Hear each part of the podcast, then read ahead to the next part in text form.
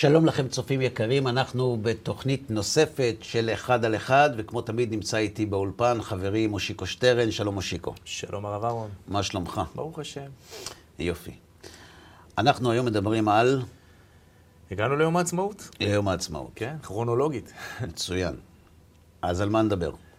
בוא נדבר על זה. בוא נדבר על יום העצמאות, היום המורכב הזה, היום המעניין הזה, היום החגיגי הזה לחלק אה, נכבד בעם. היום שבו אני כאדם יהודי מאמין לא יכול לראות, שלא לראות את, ה, את הנס הגדול הזה שנקרא מדינת ישראל, בארץ ישראל. אה, ומאוד מעניין אותי לדעת את גישתך לעניין ואת הדרך שבה אה, אתה רואה את הדברים.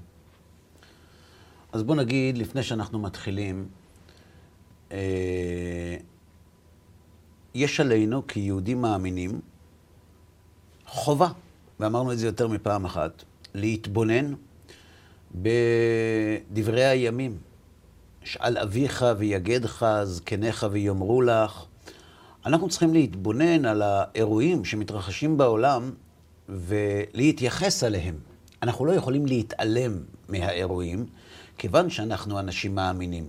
כאנשים מאמינים שמאמינים שהקדוש ברוך הוא מצוי ומשגיח, היסוד הראשון שעליו אנחנו מבססים את הכל, זה שהקדוש ברוך הוא מנהל את העולם ומנהיג אותו. ולכן לא קורים בעולם דברים נגד רצון השם, או בלי שרצון השם מעורב בהם. Mm-hmm.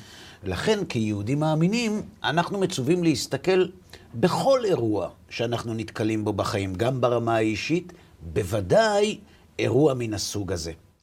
רק שאני רוצה להקדים הקדמה קצרה. הנושא נפיץ. כן.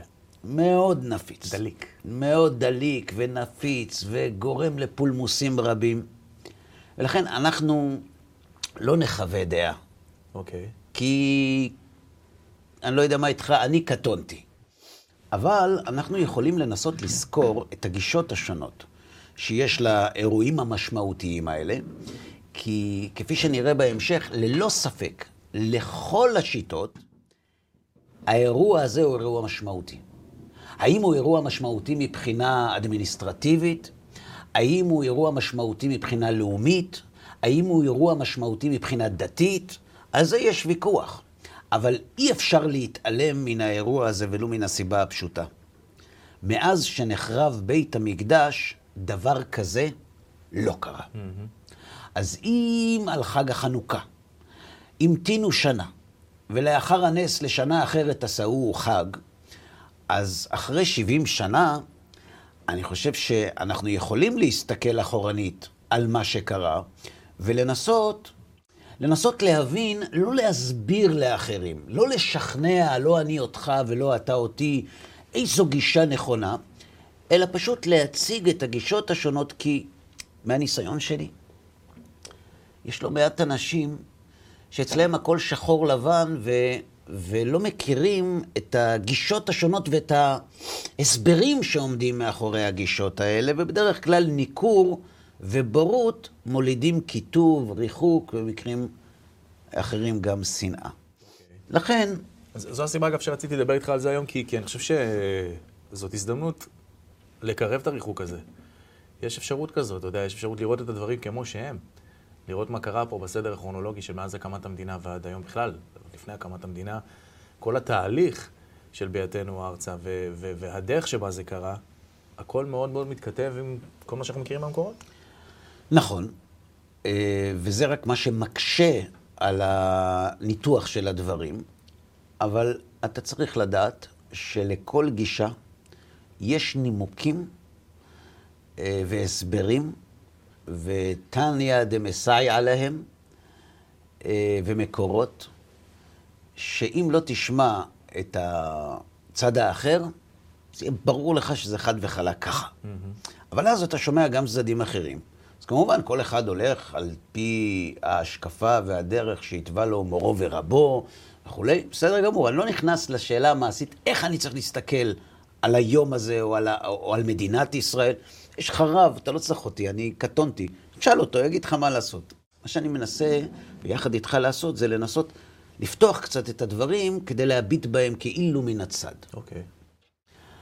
אז יש בגדול שלוש גישות ביחס למושג מדינת ישראל. יש את הגישה המפורסמת של האדמו"ר הקדוש מסטמר, זכר צדיק לברכה. יש את הגישה של הצדיק, השרף, הרב קוק עליו השלום, ויש את הגישה של גדולי ישראל שמיוצגים עם הזרם שנקרא אגודת ישראל, שהוא גם משהו לא כך אה, תחום, אבל בגדול, הזרם החרדי המרכזי, כך, אם, אם נרצה לקרוא לו. אוקיי. Okay. עכשיו, יש כאן דבר מאוד מעניין. הגישות הכי קיצוניות, זו לזו, במובן מסוים, הן הכי קרובות זו לזו, לעומת הגישה האמצעית.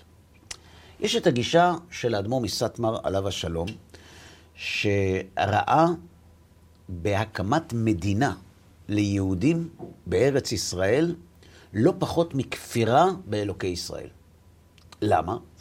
אז יש לזה הרבה נימוקים, לא ניכנס כרגע, מי שירצה יוכל לקרוא, אבל הוא טוען שהקמת מדינה היא עבירה על שלוש השבועות שהשביע הקדוש ברוך הוא את עם ישראל לפני שהם יצאו לגלות. ספר לנו. אה, שלא ימרדו באומות, שלא ידחקו את הקץ, שלא ישתעבדו בישראל יותר מדי. יש, זאת אומרת, שלא יעלו בחומה, כלומר, שלא ייקחו בכוח את ארץ ישראל, שלא ידחקו את הקץ. זאת אומרת שלגישתו דחינו את הקץ בזה שהגענו עכשיו, לפה. מה שיותר חמור לפי שיטתו, זה התגובה של ההשגחה לאירוע כזה.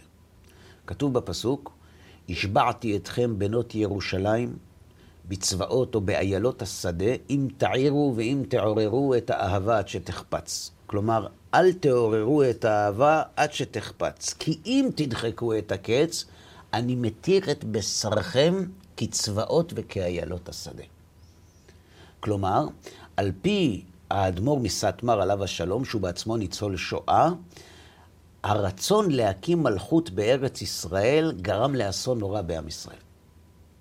כלומר, אפשר להתווכח, אם אתה לא חסיד סטמר או תלמיד שלו, אתה יכול להתווכח עם השיטה, אבל האדמו"ר מסטמר רואה בהקמת מדינה אירוע מאוד משמעותי. כלומר, במילים שלנו, להקים מלכות של יהודים בארץ ישראל זו פעולה משמעותית מאוד בסדר ההנהגה, ולכן אם לא קיבלת רשות משמיים לעשות את זה, זו מרידה במלכות שמיים.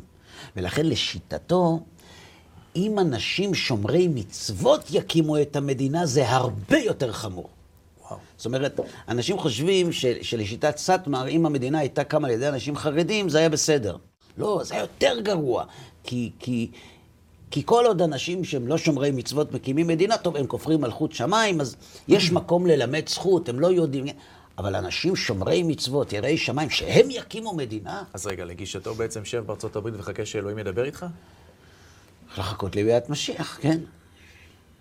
כן, אז תמיד יש את המתלהמים, יגידו, כן, הרבנים בגלות, אמרו לו לעלות לארץ, קרתה שואה. אני לא נכנס כרגע לדיונים האלה, אנחנו לא, אין לנו פנקס חשבונות, אנחנו, אנחנו לומדים, אנחנו נמצאים עכשיו פה כן. על כיסא של תלמידים. אנחנו לומדים את הדעות השונות. זו גישה אחת. אוקיי. עכשיו, מה שמעניין בגישה הזאת, שהאדמו"ר מסטמר לא רואה בהקמת מדינה איזה אירוע שולי. כי אם הוא היה אירוע שולי, הוא לא היה כפירה מלכות שמיים. זאת אומרת, אם אתה פותח חנות בלי שציוו אותך מהשמיים, או סוגר את החנות, או עובר דירה ממקום למקום, אין פה כפירה מלכות שמיים. כן, אני לה- אני מבין את זה. להקים המקל- מלכות זה דבר גדול. אם הוא המקל בזה דעת, אז תעלו, תעשו מה שאתם רוצים, תבנו, לא זאת תבנו. אומרת, זה אירוע משמעותי, מאוד משמעותי. כן. שאלת אגב, אין פה סאטמרים? בישראל? איפה? יש, יש בירושלים. יש, יש, יש חסידי סאטמר, בוודאי שיש, אבל הם, הם מנותקים מהמדינה, הם מנותקים ממוסדות המדינה ומתקציבי המדינה מסיבות אידיאולוגיות. זאת אומרת, לא לוקחים חלק. לא בבחירות, לא ביטוח לאומי, לא שום דבר. לא, לא, אין להם שום קשר למדינה הציונית. למה? כי המדינה הזאת היא כפירה מלכות שמיים. למה? כי היא קוראת תיגר על שלושת השבועות, ו- ו- ו- ולשיטתם, החומרה של החטא הזה היא כל כך גדולה, שמי יודע ידי מי שפכו את הדם הזה. זו שיטתם. אוקיי. יש את השיטה השנייה של הגאון צדיק הרב קוק, עליו השלום. הוא במובן מסוים אומר את אותו דבר. הוא אומר, מדינה זה לא אירוע שולי. מדינה זו חוליה משמעותית בדרך לגאולה, זו התחלתא דגאולה. כלומר, אנחנו כבר לא בסוף הגלות, אנחנו, כבר האור מתחיל להאיר. המלכות חוזרת לעם ישראל, כלומר, העצמות היבשות שראה יחזקאל בחזונו, כיצד הן קורמות עור וגידים, כפי שכותב שם המלבים, זו התחייה הלאומית של העם היהודי בארץ ישראל. ומהי תחייה לאומית?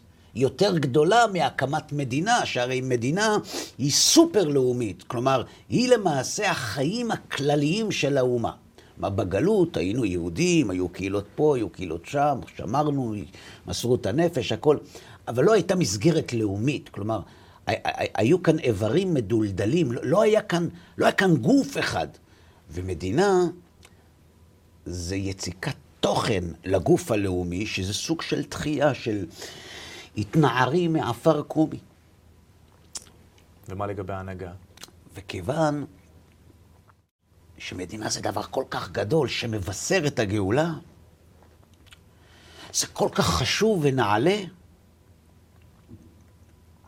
שגם אם יקימו אותו אנשים שלא שומרים מצוות, חבל. צריך לתקן, הרב קוק מאוד כאב לו שיהודים לא שומרים מצוות. צריך לתקן, אבל, אבל, אבל מה שהם עושים הוא כל כך גדול, שבאור של מה שהם מקימים צריך, אבל זה לא החשבון עכשיו. אנחנו עוסקים בדבר גדול מאוד. זאת אומרת, גם הרב קוק עליו השלום, וגם הרבי מסטמר עליו השלום, שניהם ראו במלכות ישראל בארץ ישראל דבר גדול. המסקנות שלהם היו הפוכות. Mm-hmm. בסדר? אוקיי. Okay. אלו שתי גישות. אוקיי. זה מתנגד להקמת מלכות, ועוד יותר אם חרדים יקימו אותה, וזה מצד שני, מה זה וזה? והגאון השני מצד שני אומר, הקמת מלכות היא כל כך גדולה שהיה רצוי, אבל אנחנו לא נמצאים אחרי נמצאים, שתקום, אחר כך נראה. יש את הגישה שבאמצע. היא לא מפשרת בין שתי הגישות, היא אחרת. זאת אומרת, זה לא זה קיצוני לפה, זה קיצוני לפה, אנחנו במיינסטרים. היא לא הממוצע ביניהם. היא לא ממוצע, כן. היא שונה. כן. למה היא עומדת בתווך? כי היא רואה את הקמת המדינה בעין שונה לחלוטין. כלומר, בעוד הרב קוק והאדמו"ר מסטמר ראו בהקמת מדינה משהו ערכי, אידיאולוגי, לאומי, מלכות, גדולי ישראל, שמזוהים עם הזרם החרדי המרכזי, הליטאי, הפחות החסידי, זאת אומרת, אה, הם הגדירו את מדינת ישראל אה, ועד בית. זאת אומרת, אנחנו לא רואים בלאומיות שום דבר קדוש, אנחנו לא רואים בזה אה, עבירה על שלוש השבועות, ואנחנו גם לא רואים בזה התחלתא דגאולה. כשאנשים גרים בבניין, ככל שיש בו יותר דיירים, הבניין זקוק לניהול. ולכן צריך לנהל את היהודים. אז יש מדינה. המסגרת של המדינה זה ועד הבית של האומה היהודית. וככה צריך להתייחס אליו. אנחנו לא מתעסקים כאן באידיאולוגיות, בהתחלתא דגאולה, או ב... צריך לקחת את זה. אגב, ההתנגדות של, של הרבי מסטמר ל, ל, לאנשים שייצגו את הגישה הזאת, הייתה חריפה לא פחות, ולפעמים אפילו גם יותר, מאשר הגישה שלהם לציונים עצמם. זאת אומרת, mm-hmm. כן. וזה. על, על פי אותו עיקרון שדיברנו עליו. כן. למרות שהם לא ראו בזה דבר גדול. אז אלו הם שלושת הגישות. לפי הגישה האמצעית, מאוד רצוי שבוועד הבית יעמוד מישהו שפועל על פי ההלכה. כי, כי אם הוא יחליט החלטות שיחייבו את ועד הבית והם בניגוד להלכה, זה מייצר קונפליקט אצל השכן הדתי. כן. אז לכן זה רצוי שזה יהיה ככה, וזה נקרא להציל מן הארי. כלומר, אנחנו נעשה, אנחנו נשתתף בבחירות, אנחנו חלק מהמדינה, אנחנו מכירים בקיומה, אנחנו לא סוגרים את העיניים. אה, ואנחנו ניתן את מה שאנחנו צריכים, נקבל את מה שאנחנו צריכים במסגרת המדינה, ו... ונחיה עד שיבוא משיח, ו... ויבוא תשבי ויתרץ קושיות ויבעיות. במילים אחרות סטטוס קוו. נכון, סטטוס קוו שמקובל גם על הזרם אה, החרדי וגם על הזרם הדתי-לאומי, שרצו לראות ב, ב, במדינה משהו עם פרהסיה יהודית לפחות, או לשמר את מה שאפשר. אלה הם פחות או יותר, בגדול, הגישות השונות. אוקיי. אז את הגישות הבנתי, ועכשיו אני אשאל אותך שאלה. קח את כל הגישות האלה יחד, שים אותם רגע בצד, תסתכל על המהלכים שקרו פה. לכתחילה. רגע שהגענו, כמו שאמרתי עוד לפני שהגענו, כי הכל היה נורא מוסדר בצורה מדהימה אל מול הנבואות, עד לרגע זה. כן. ואז מה מגיבים אותם האנשים שנוגדים את הדעה שאנחנו כאן אה, כתחילתה של המלכות, התחלת הגאולה או כל דבר אחר? אה, לפי שיטת סאטמר, מדובר בניסיון, בניסיון הכי גדול ערב הגאולה. בניסיון של הסיטרא אחרא, של כוחות הטומאה, לשבש את האמונה הצרופה של היהודים המאמינים. זו טענתם. מצד שני, עומדים אה, מנגד ואומרים, איך אפשר לומר דבר כזה? הרי אנחנו רואים בעיניים איך הקדוש ברוך הוא מחזיר את עם ישראל לארץ ישראל. אז לפני שהמדינה קמה עוד היה אפשר להגיד אולי זה מעשה שטן, אולי... אבל המדינה קמה, היא כבר קיימת פה 70 שנה, וברוך השם, היא, השם שומר עליה והיא מתקיימת, ו- ו- והכותל שוחרר, והמקומות הקדושים, ומלחמת ששת הימים והכל, אז, אז, אז מה, זאת אומרת... איזה מעשה שטן יש כאן? גם אם אני לא משתמש במילה מדינה, גם אם תקרא לזה ועד הבית, גם אם תקרא לזה הנהלת, הנהלת ארץ ישראל. בכל מציאות שאתה מסתכל על זה, אתה באמת רואה התגשמות נבואות. אתה רואה פה משהו שלא היה פה מעולם. אז עכשיו אתה לוקח אותנו למקום אחר. אתה אומר, בוא נסתכל בתורה. מה היא אומרת על התקופה הזאת? כי הרי אנחנו יודעים שהתורה מדברת על העתיד. נכון. לו חכמו, כתוב, ישכילו זאת, יבינו לאחריתם. כתוב בתרגום יונתן בן עוזיאל, לו אהבו חכימין, אבון מסתכלים באורייתא ויודעים מה עתיד למהווה בסופיהון. זאת אומרת, אם היו חכמים, היו מסתכלים בתורה, והיו יודעים מה איתם בסוף. אז כשאנחנו עוסקים בנבואות, אנחנו אומרים, רגע, יש בתורה נבואות, הבטחות על העתיד. הסכמנו שהקמת מדינת ישראל היא לא אירוע שולי, אפילו לפי השיטה שרואה במדינת ישראל ועד בית. אומרת, מדובר פה באירוע דרמטי שלא היה דוגמתו בעבר. אתה יודע מתי הוא היה פעם אחרונה? מניח שבית אה, שני. הוא היה למחצה ולרבייה. כשעזרא הסופר עלה מבבל לבנות את בית שני, עלו איתו 42 וחצי אלף איש.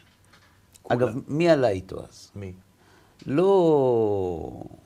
לא החכמים והסופרים. Mm. עלו איתו, תסתכל, כתוב, מי עלה איתו נישואים לגויות. זאת אומרת, לא... וגם מבחינה כמותית, זה היה הרבה פחות מהיום, אבל לא רק זה. בימי בית שני לא הייתה מלכות. היינו תחת הפרסים, נכון. היינו תחת היוונים, היה זמן קצר של מלכות חשמונאים, נכון. שנטלו לעצמם מלכות, ולכן כתוב, איבדו, אה, איבדו אותה.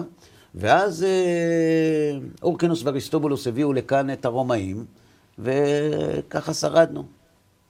זאת אומרת, המושג מדינה יהודית, המושג הזה לא היה, היה תקופה של בר כוכבא, לא היה דבר כזה. זאת אומרת, מדובר באירוע משמעותי, בקנה מידה היסטורי, לא של, אה, אני יודע, העם המלזי, קנה מידה היסטורי של העם היהודי, שהוא חתיכת עם עתיק, וכשאנחנו הולכים למקורות שלנו, אנחנו רואים לכאורה דברים די ברורים. למשל, יש הבטחה שהקדוש ברוך הוא יקבץ את גלויות עם ישראל לפני ביאת משיח. כתוב בתורה. כתוב בתורה,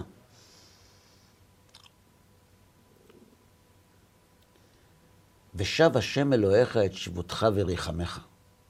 ושב וקיבצך מכל העמים אשר הפיצך השם אלוהיך שמה. אם יהיה נידחך בקצה השמיים, משם יקבצך השם אלוהיך ומשם ייקחך. אם אנחנו רוצים לתרגם את זה לשתי מילים, מה נגיד? קיבוץ גלויות. קיבוץ גלויות. בדיוק. מחלף. מה השלב הבא? אז כמו שאתה יודע, היה דיון מאוד רציני אם להקים את מדינת ישראל בקניה, או... Mm-hmm. היו הרבה דיונים. הגרמנים דיברו על מדגסקר, היו שדיברו על רוסיה, היו שדיברו על ארגנטינה, על ארגנטינה מקסיקו, כל מיני מקומות שחשבו למצוא בשבילנו, אבל אף אחד לא היה מספיק מקום. ובסוף, אחרי ויכוח אדיר בקונגרס הציוני ואחרי פולמוס גדול, נסגר שזה יהיה כאן. עכשיו, הסיבה שרצו להעביר את זה מכאן למקום אחר, כי מבחינה פוליטית היה נראה שזה לא הולך לקרות. בגלל mm-hmm. השלטון הטורקי וכולי.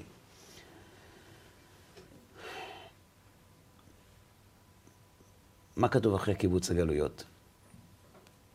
והביאך השם אלוהיך אל הארץ אשר ירשו אבותיך. יפה. ברור לנו לאיזה מקום. וירשת, והיטיבך, וירבך מאבותיך. כלומר, אתה תחזור לא לשום מקום אלא לפה,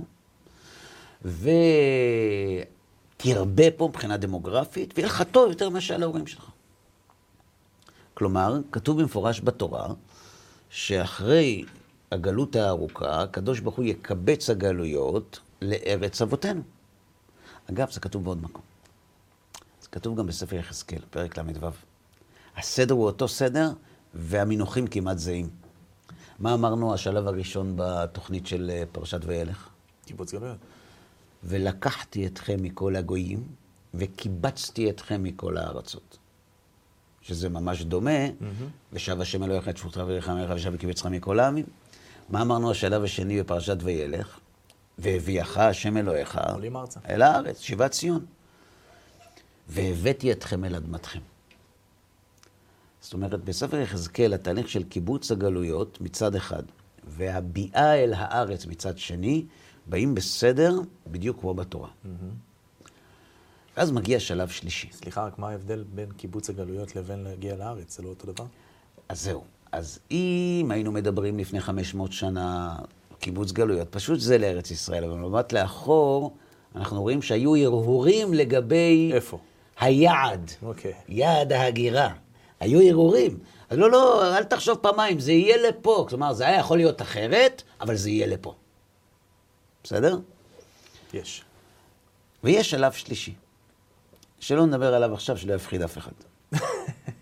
קוראים לזה חזרה בתשובה, אבל נשים, אנחנו לא, אנחנו לא נמצאים שם עכשיו. כתוב.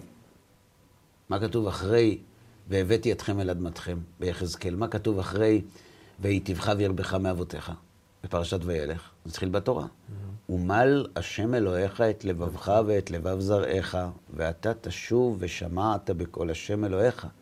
כי תדרשנו בכל לבבך ובכל נפשך. זאת אומרת, יהיה קיבוץ גלויות, תהיה שיבת ציון, ואחרי זה יחזרו בתשובה. למה אחרי זה? כי לפני זה לא. ביחזקאל כתוב אותו דבר במילים אחרות. אחרי שכתוב, ולקחתי אתכם מכל הגויים, וקיבצתי אתכם מכל הארצות, והבאתי אתכם אל אדמתכם, שלב שלישי. וזרקתי עליכם מים טהורים, וטהרתם מכל טומאותיכם ומכל גילוליכם אתאר אתכם, ואסירותי לב האבן מבשרכם, ונתתי לכם לב בשר, ועשיתי, הוא, את אשר בחוקיי תלך ומשפטיי תשמע. מה שמדהים הוא שבשני המצבים, זה הקדוש ברוך הוא עושה לנו את נכון, התהליך הזה. נכון. קיבוץ הגלויות, שיבת ציון, וחזרה בתשובה.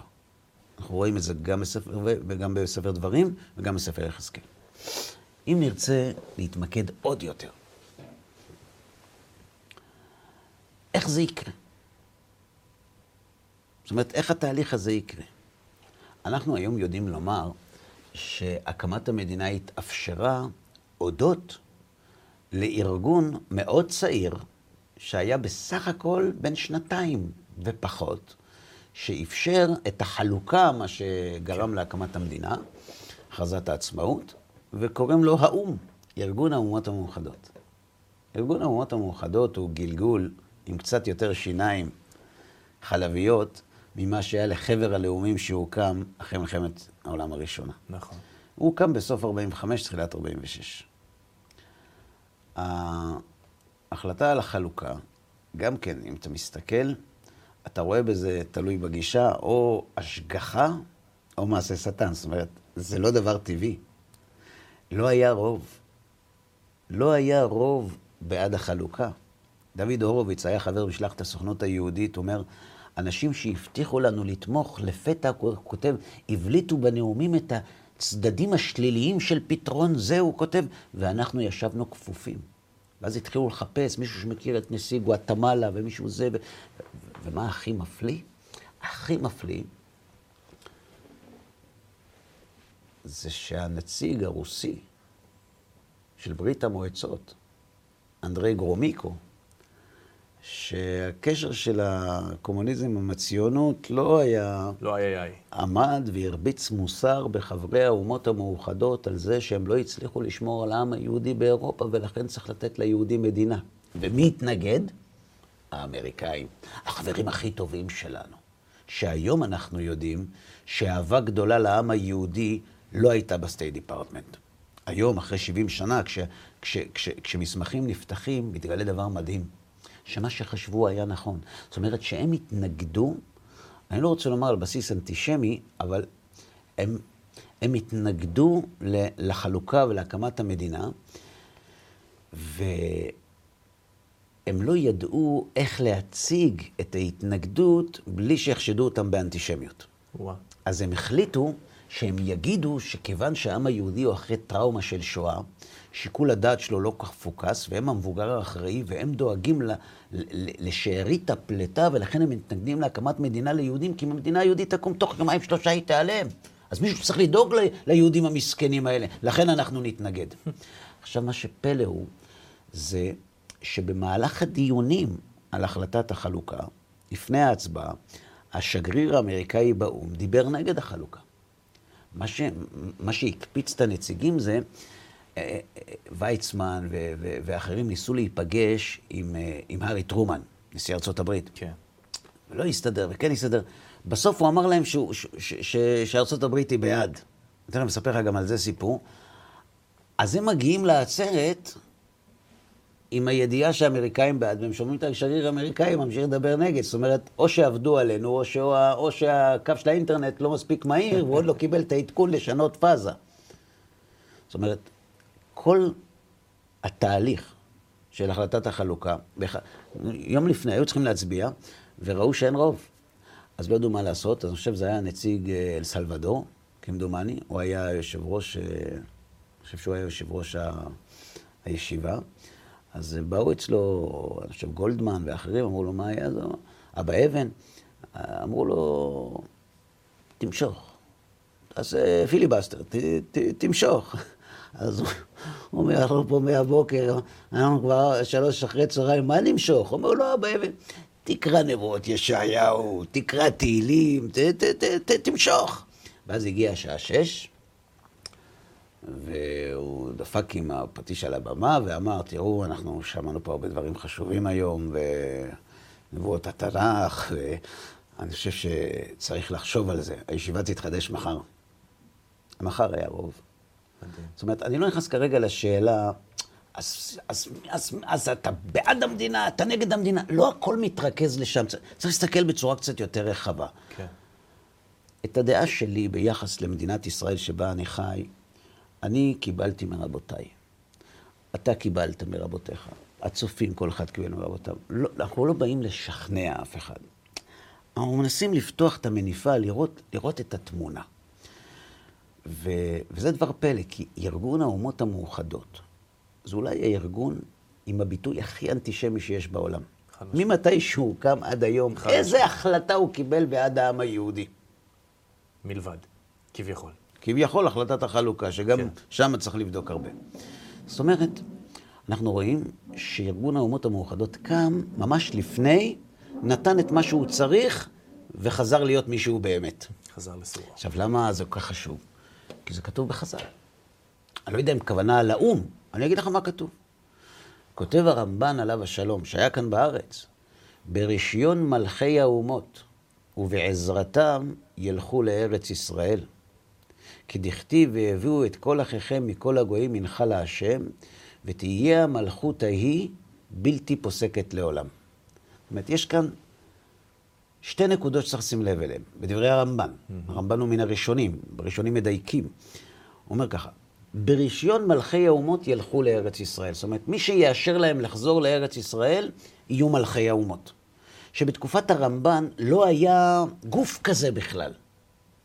שמאחד את מלכי האומות. אז מה, זו נבואה? אני לא יודע. לא, זו לא נבואה, הוא מפרש את מה שכתוב בנביא. אוקיי. ובהמשך הוא כותב, ותהיה המלכות ההיא, איזו מלכות? איפה ראית מלכות? ברישיון מלכי האומות ובעזרתם ילכו לארץ ישראל. ותהיה המלכות ההיא בלתי פוסקת לעולם. זאת אומרת, הם יבואו לארץ, הם יקימו מלכות, mm-hmm. ותהיה בלתי פוסקת לעולם, כך משמע דברי הרמב"ן לכאורה, נכון? כותב האברבנאל, ולפי שציון תתפלא על שיבת בניה לתוכה. ספר מצמיח ישועה, הוא כותב את זה. הנה הדבר הזה יעשה בכוח גבורתו. זאת אומרת, זה יקרה בגבורת השם. ועל ידי הגויים עצמם יהיה הנס הזה. כלומר, הנס הזה יהיה בדרך טבעית, על ידי הגויים עצמם. אבל הוא יהיה מכוון משמיים. כך כותב אברבנאל. הרד"ק כותב דבר מדהים. לפני כמה שנים, יש לי ידיד יקר, קוראים לו הרב אורדמן. והוא היה מרצה הרבה שנים בערכים, שמשלח לו הרבה בריאות ואיכות ימים ושנים. והוא סיפר לי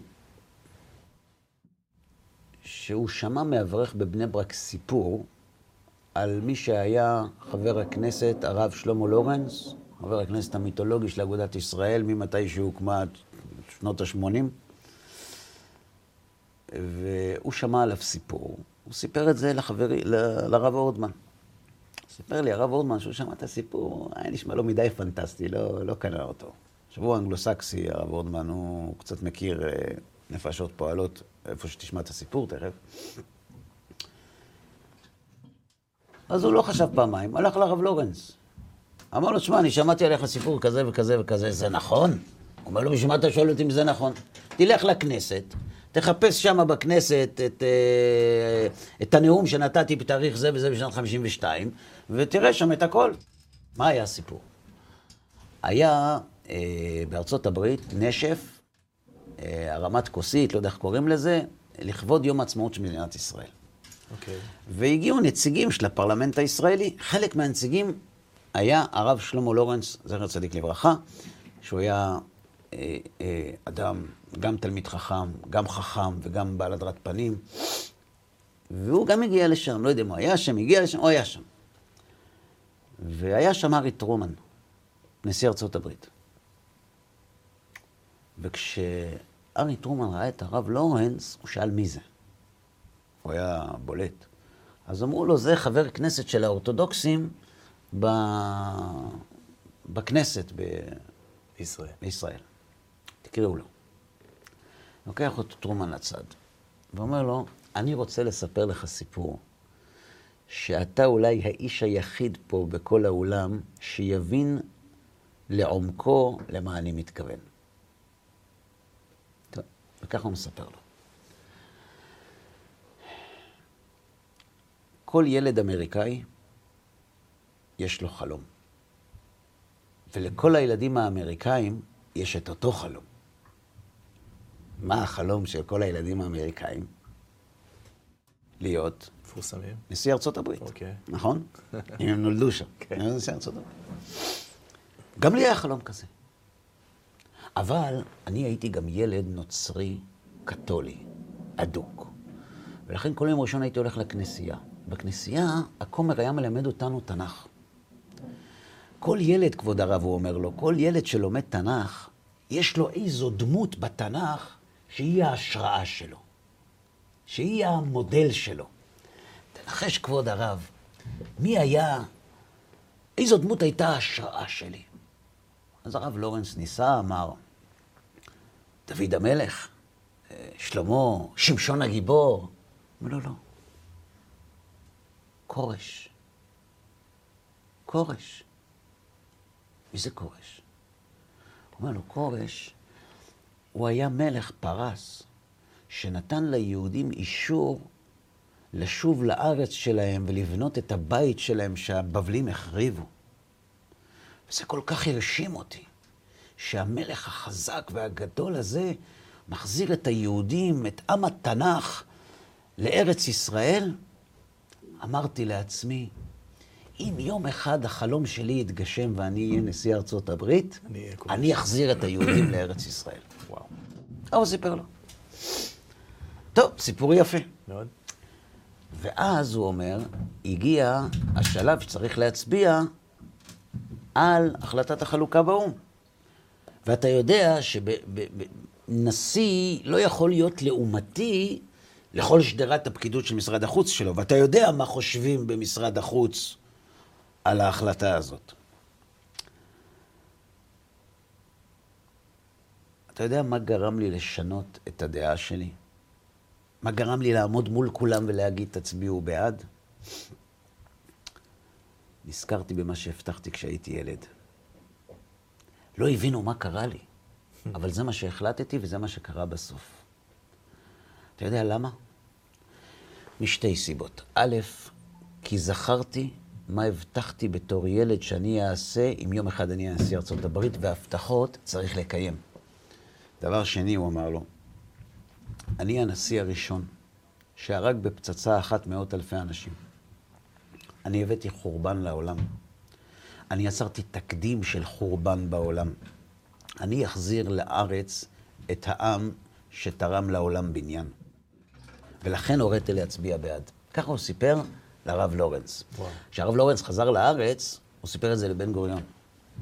אז בן גוריון אמר לו, באמת ככה הוא אמר? תעלה בבקשה לדוכן ותספר את זה לכולם. וסיפר? כן, ולכן זה מופיע בנאום, אה, זה בטח. בפרוטוקול של הכנסת. יפה. כן. כותב הרד"ק, נו, וזה לא שינה את דעתו ודעת מפלגתו? דבר כזה? אה, אתה צריך להבין שהגישה לא משתנה בעקבות אירוע. יש כאן השקפה שיש לה מה להתבסס. זה לא שסיפור אחד או דוגמה מפה שדדו את המערכות. יש כאן גישות מסודרות, לכל אחד יש את הנימוקים שלו, ואיך לחשוב, כל אחד יחשוב לפי מה שמורים לו רבותיו. אנחנו כרגע עוסקים בתמונה הרחבה ומנסים למלא את הפאזל, למלא, כן. למלא את החסר. אוקיי. הרד"ק כותב גם כן את אותו דבר.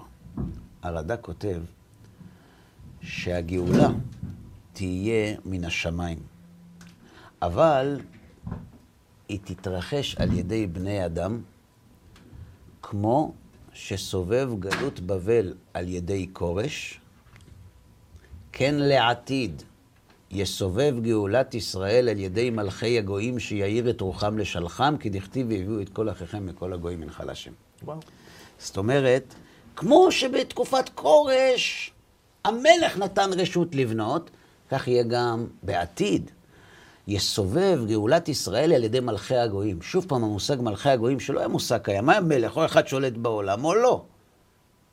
אנחנו רואים שזה מסתדר בדיוק לפי הסדר, מבחינה כרונולוגית. נכון. אנחנו גם יודעים שהארץ שאליה אנחנו אמורים לחזור, תוריק את פניה לפני שאנחנו חוזרים, כפי שכתוב. נכון. הגמרא אומרת את זה במסכת אה, סנהדרין. שם אמר רבי אבא, רבי אבא נכנס לישיבה, רקד, אמרו לו, כבוד הרב, מה אתה שמח? אומר להם, אין לך קץ מגולה מזה. זאת אומרת, אני יודע מתי הגאולה מתחילה. הוא אומר, מתי? אז הוא מצטט להם מיחזקאל. ואתם הרי ישראל, ענפיכם תיתנו, פרייכם תישאו לעמי ישראל כי קרבו לבוא. כי הנני עליכם ופניתי עליכם ונעבדתם ונזרעתם והרביתי עליכם אדם כל בית ישראל כולו ונושבו ההרים והחורבות תיבננה. אתה מבין פה את הקץ? גם הם לא הבינו. כותב המהרש"א, יש הבטחה שהבטיח הקדוש ברוך הוא למשה רבנו ולעם ישראל במדבר. הבטחה משולשת, לעומתית. מצד אחד, הקדוש ברוך הוא אומר למשה רבנו שארץ ישראל היא זבת חלב ודבש. מצד שני הוא אומר שהעושר החקלאי תלוי בדרגת הרוחניות של עם ישראל שיושב בארץ. כי חרף השם בכם ועצר את השמיים וכולי. והדבר השלישי, זה שאם חס ושלום נעבוד אלוהים אחרים, אז הוא יגרש אותנו מכאן. Mm-hmm. ומה יקרה כשלא נהיה כאן? כשלא נהיה כאן, הארץ הזאת לא תיתן פירות לאיש, שנאמר, ושממו, והשימותי אני את הארץ, ושממו עליה אויביכם היושבים בה. זאת אומרת, אני אשומם את הארץ, והאויבים שלכם שישבו בארץ הזאת, ישומו בה. כלומר, היא לא תיתן להם פירות. זה כתוב בעוד מקומות. אגב, הרמב"ן היה כאן לפני כ-800 שנה, והוא כותב במפורש, בפירושו לתורה על הפסוק, ושממו עליה אויביכם היושבים בה, שמופיע בתוך פרשת הקללות, אומר זו לא קללה. תוציאו את זה, זו ברכה. זו בשורה טובה, ככה כותב הרמב"ן, זו בשורה טובה מבשרת בכל הגלויות. כלומר, איפה שלא תהיו בגלות, כמה שלא ירדפו אתכם, יש פה בשורה טובה, אל תשכחו אותה. כשתזכרו את הבשורה הזאת, זה ייתן לכם כוח לשרוד את הגלות. מהי הבשורה? שאין ארצנו מקבלת את אויבינו. וגם זו, הוא כותב, ראייה גדולה והבטחה לנו שלא תמצא בכל היישוב ארץ שהיא גדולה ורחבה ושהיא נושבת כמותה והיא חרבה כמוה. Mm-hmm. כי מאז גלינו ממנה, לא קיבלה אומה ולשון. וכולם משתדלים להושיבה, ואין לאל ידם. זאת אומרת, זה לא שלא מנסים לשבת כאן, מנסים ליישב. אז בא זה ונלחם עם זה, ומגיעים הממלוכים, מגיעים, וסלאח א-דין מגיע, ומגיעים הצלבנים, ומגיעים המונגולים. קיצור, אין פה שקט, ואף אחד לא מצליח להתבסס כאן בארץ, וזה אומר הרמב"ן ליהודים שנשארו בגולה, כשהוא ברח משם בעקבות הוויכוח שהיה לו. כן. הוא אומר, תזכרו את זה. כל עוד תראו את ארץ ישראל שוממה, תדעו שאתם תחזרו לארץ. לכן ארץ ישראל שוממה. כדי לתת לנו תקווה, כמו אימא שיושבת בדד ומחכה שהילדים שלה יבואו הביתה. לא מתקשטת, לא מתאפרת, לא מנקה את הבית. למה מחכה שהילדים יחזרו? כתוב בנביא. ואמרת בלבבך, מי ילד לי את אלה? ואני שקולה וגלמודה, גולה וסורה, אלה מי גידל? אין אני נשארתי לבדי, אלה איפה הם? זאת אומרת, איך יכול להיות שיש לי ילדים אחרי כל כך הרבה שנים? על מי ארץ ישראל מדברת? על עם ישראל. לכן אומר הרמב"ן, זו בשורה טובה מבשרת בכל הגלויות, שאין ארצנו מקבלת את אויבינו. טוב, אבל יש הבטחה שלישית, וזה מה שאמר רבי אבא לתלמידים במסכת סנהדרין. מה כתוב שם? הנביא יחזקאל, עם מי הוא מדבר? עם ההרים, עם ההרים. ואתם הרי ישראל, ענפיכם תיתנו. למה צריך לצוות עליהם? כי מישהו אמר להם לא לתת. Mm-hmm. ופרייכם תישאו. למה? לעמי ישראל כי קרבו לבוא. נלך הביתה, תתקשט. כי הנני עליכם. שים לב לסדר. ופניתי עליכם, ונעבדתם, ונזרעתם, הוא אומר להרים, נכון? ונאבדתם, ונזרעתם, והרביתי עליכם אדם כל בית ישראל כולו. ונושבו הערים והחורבות תיבננה. זאת אומרת, התהליך יהיה, קודם כל, פריחת השממה, חקלאות, לאחר מכן עם ישראל יחזור. כותב המרשה, כל זמן שאין ישראל על אדמתם, אין הארץ נותנת פירותיה כדרכה. מה שלמדנו. כל זמן שהוא לא פה, מה זה כדרכה? דרכה כן לתת, לא נותנת פירותיה. למה הם לא פה? אבל, לשון המרשה, כשתחזור ליתן פירותיה, זהו קץ מגולה, שקרוב לבוא זמן גאולה, שיחזרו ישראל על אדמתם. אומרת, כל זמן שהארץ לא נותנת פירות, זה ככה הטבע שלה. כי עם ישראל לא פה. כל זמן שאין ישראל על אדמתם, אין הארץ נותן פירות הגדה. אבל אם תקום יום אחד בבוקר עם דברי הרמב"ן ותשמח שהארץ שוממה וזו התקווה שלך, ופתאום תראה שהיא מתחילה לתת פירות ותפוזים ותפוחים ותגיד מה? עזבה אותנו. לא, תשמח עוד יותר. זהו קץ מגולה, כן. שקרוב לבוא זמן גאולה שיחזרו ישראל על אדמתם. זאת אומרת, אנחנו רואים שהתהליך שאנחנו חלק ממנו יושב בדיוק על הרצועה מבחינת התזמון והסדר של מה שכתוב בנביאים. Mm-hmm. יש עוד המון המון על מה לדבר. אבל למה אנחנו עוסקים בזה?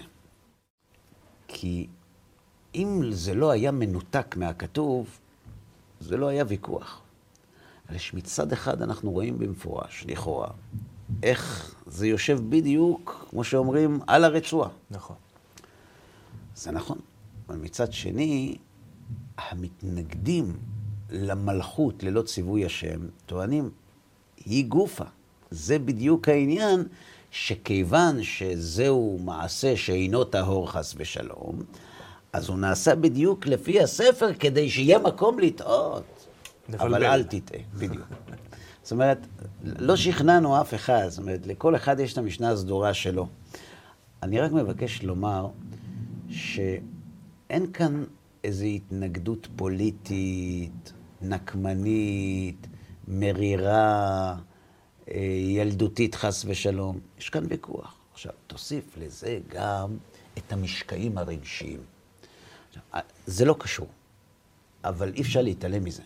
אי אפשר להתעלם מהאווירה ששררה כאן, והיא לא הייתה פשוטה בכלל. זאת אומרת, היה כאן מהלך של הצעת אלטרנטיבה להגדרה היהודית של עם ישראל. צריך לדעת את זה. היה דבר כזה. וזה גרם גם לניתוק רגשי כן. של הציבור החרדי מהציונות, וגם להתנגדות, לא לציונות עצמה, אלא למוסדות המדינה. כלומר, מוסדות המדינה הסתיירו, לא נכנס כרגע לשאלה בצדק, לא בצדק, בכלל לא משנה, הצטיירו ככאלה שמנסים להעביר יהודים רבים מצד האמונה אל צד הלא אמונה, מעין- מצד הכפירה. מעין דת חדשה. בדיוק. אז אם אתה מחבר את כל הדברים האלה ביחד, אתה מקבל כאן מתח מתמיד. מצד אחד, אנחנו פה. אנחנו לא מתעלמים ממה שקורה כאן. אה, אבל זה לא דבר קדוש, זה ועד בית. אבל בוועד הבית הזה יש לנו הרבה אנשים שמחפשים אותנו בסיבוב ורק מחפשים איך, ויש לזה סימוכין, זה לא המצאות ולא מדובר כאן על, אה, על פרנויות של אנשים, דברים שקרו. ומצד שני עומדים המתנגדים הגדולים, ומצד שני עומדים המצדדים הגדולים. לכן כששואלים אותי, נו, אז מה, אז מה אתה אומר? אז מה, נו, אז מה, מה נכון? אז יש לי שתי תשובות. נכון, אהרון? מה נכון? יש לי שתי תשובות. יש אפשרות שהכל נכון. וכשהקדוש ברוך הוא מנהל את עולמו, הוא מביא לעולם דעות שונות כדי ליצור איזשהו מצב שייצב אותנו מבחינת ההתבוננות. שלא נהיה קיצוניים לשום מקום? אני לא יודע, אני אומר רק רעיון, אני אוקיי. לא, לא בטוח שהוא נכון. הדבר היותר נכון, אני חושב שהצודקים מבין שלושת השיטות, הם אלה שיחכו אה, שיבוא אליהו ויתרץ קושיות ובעיות. הם הצודקים. ככה אני חושב. טוב, יפה אמרת. יש עוד הרבה מה אבל לדבר מותר לנו. להישאר אה, בתקווה גדולה. אנחנו, אנחנו כל הזמן בתקווה גדולה. מצווים לתקווה גדולה, אין לא? ספק שאנחנו קרובים לגאולה הרבה יותר ממה שהיינו קרובים לפני 70 שנה. על זה אין ויכוח. על זה אין שום ויכוח.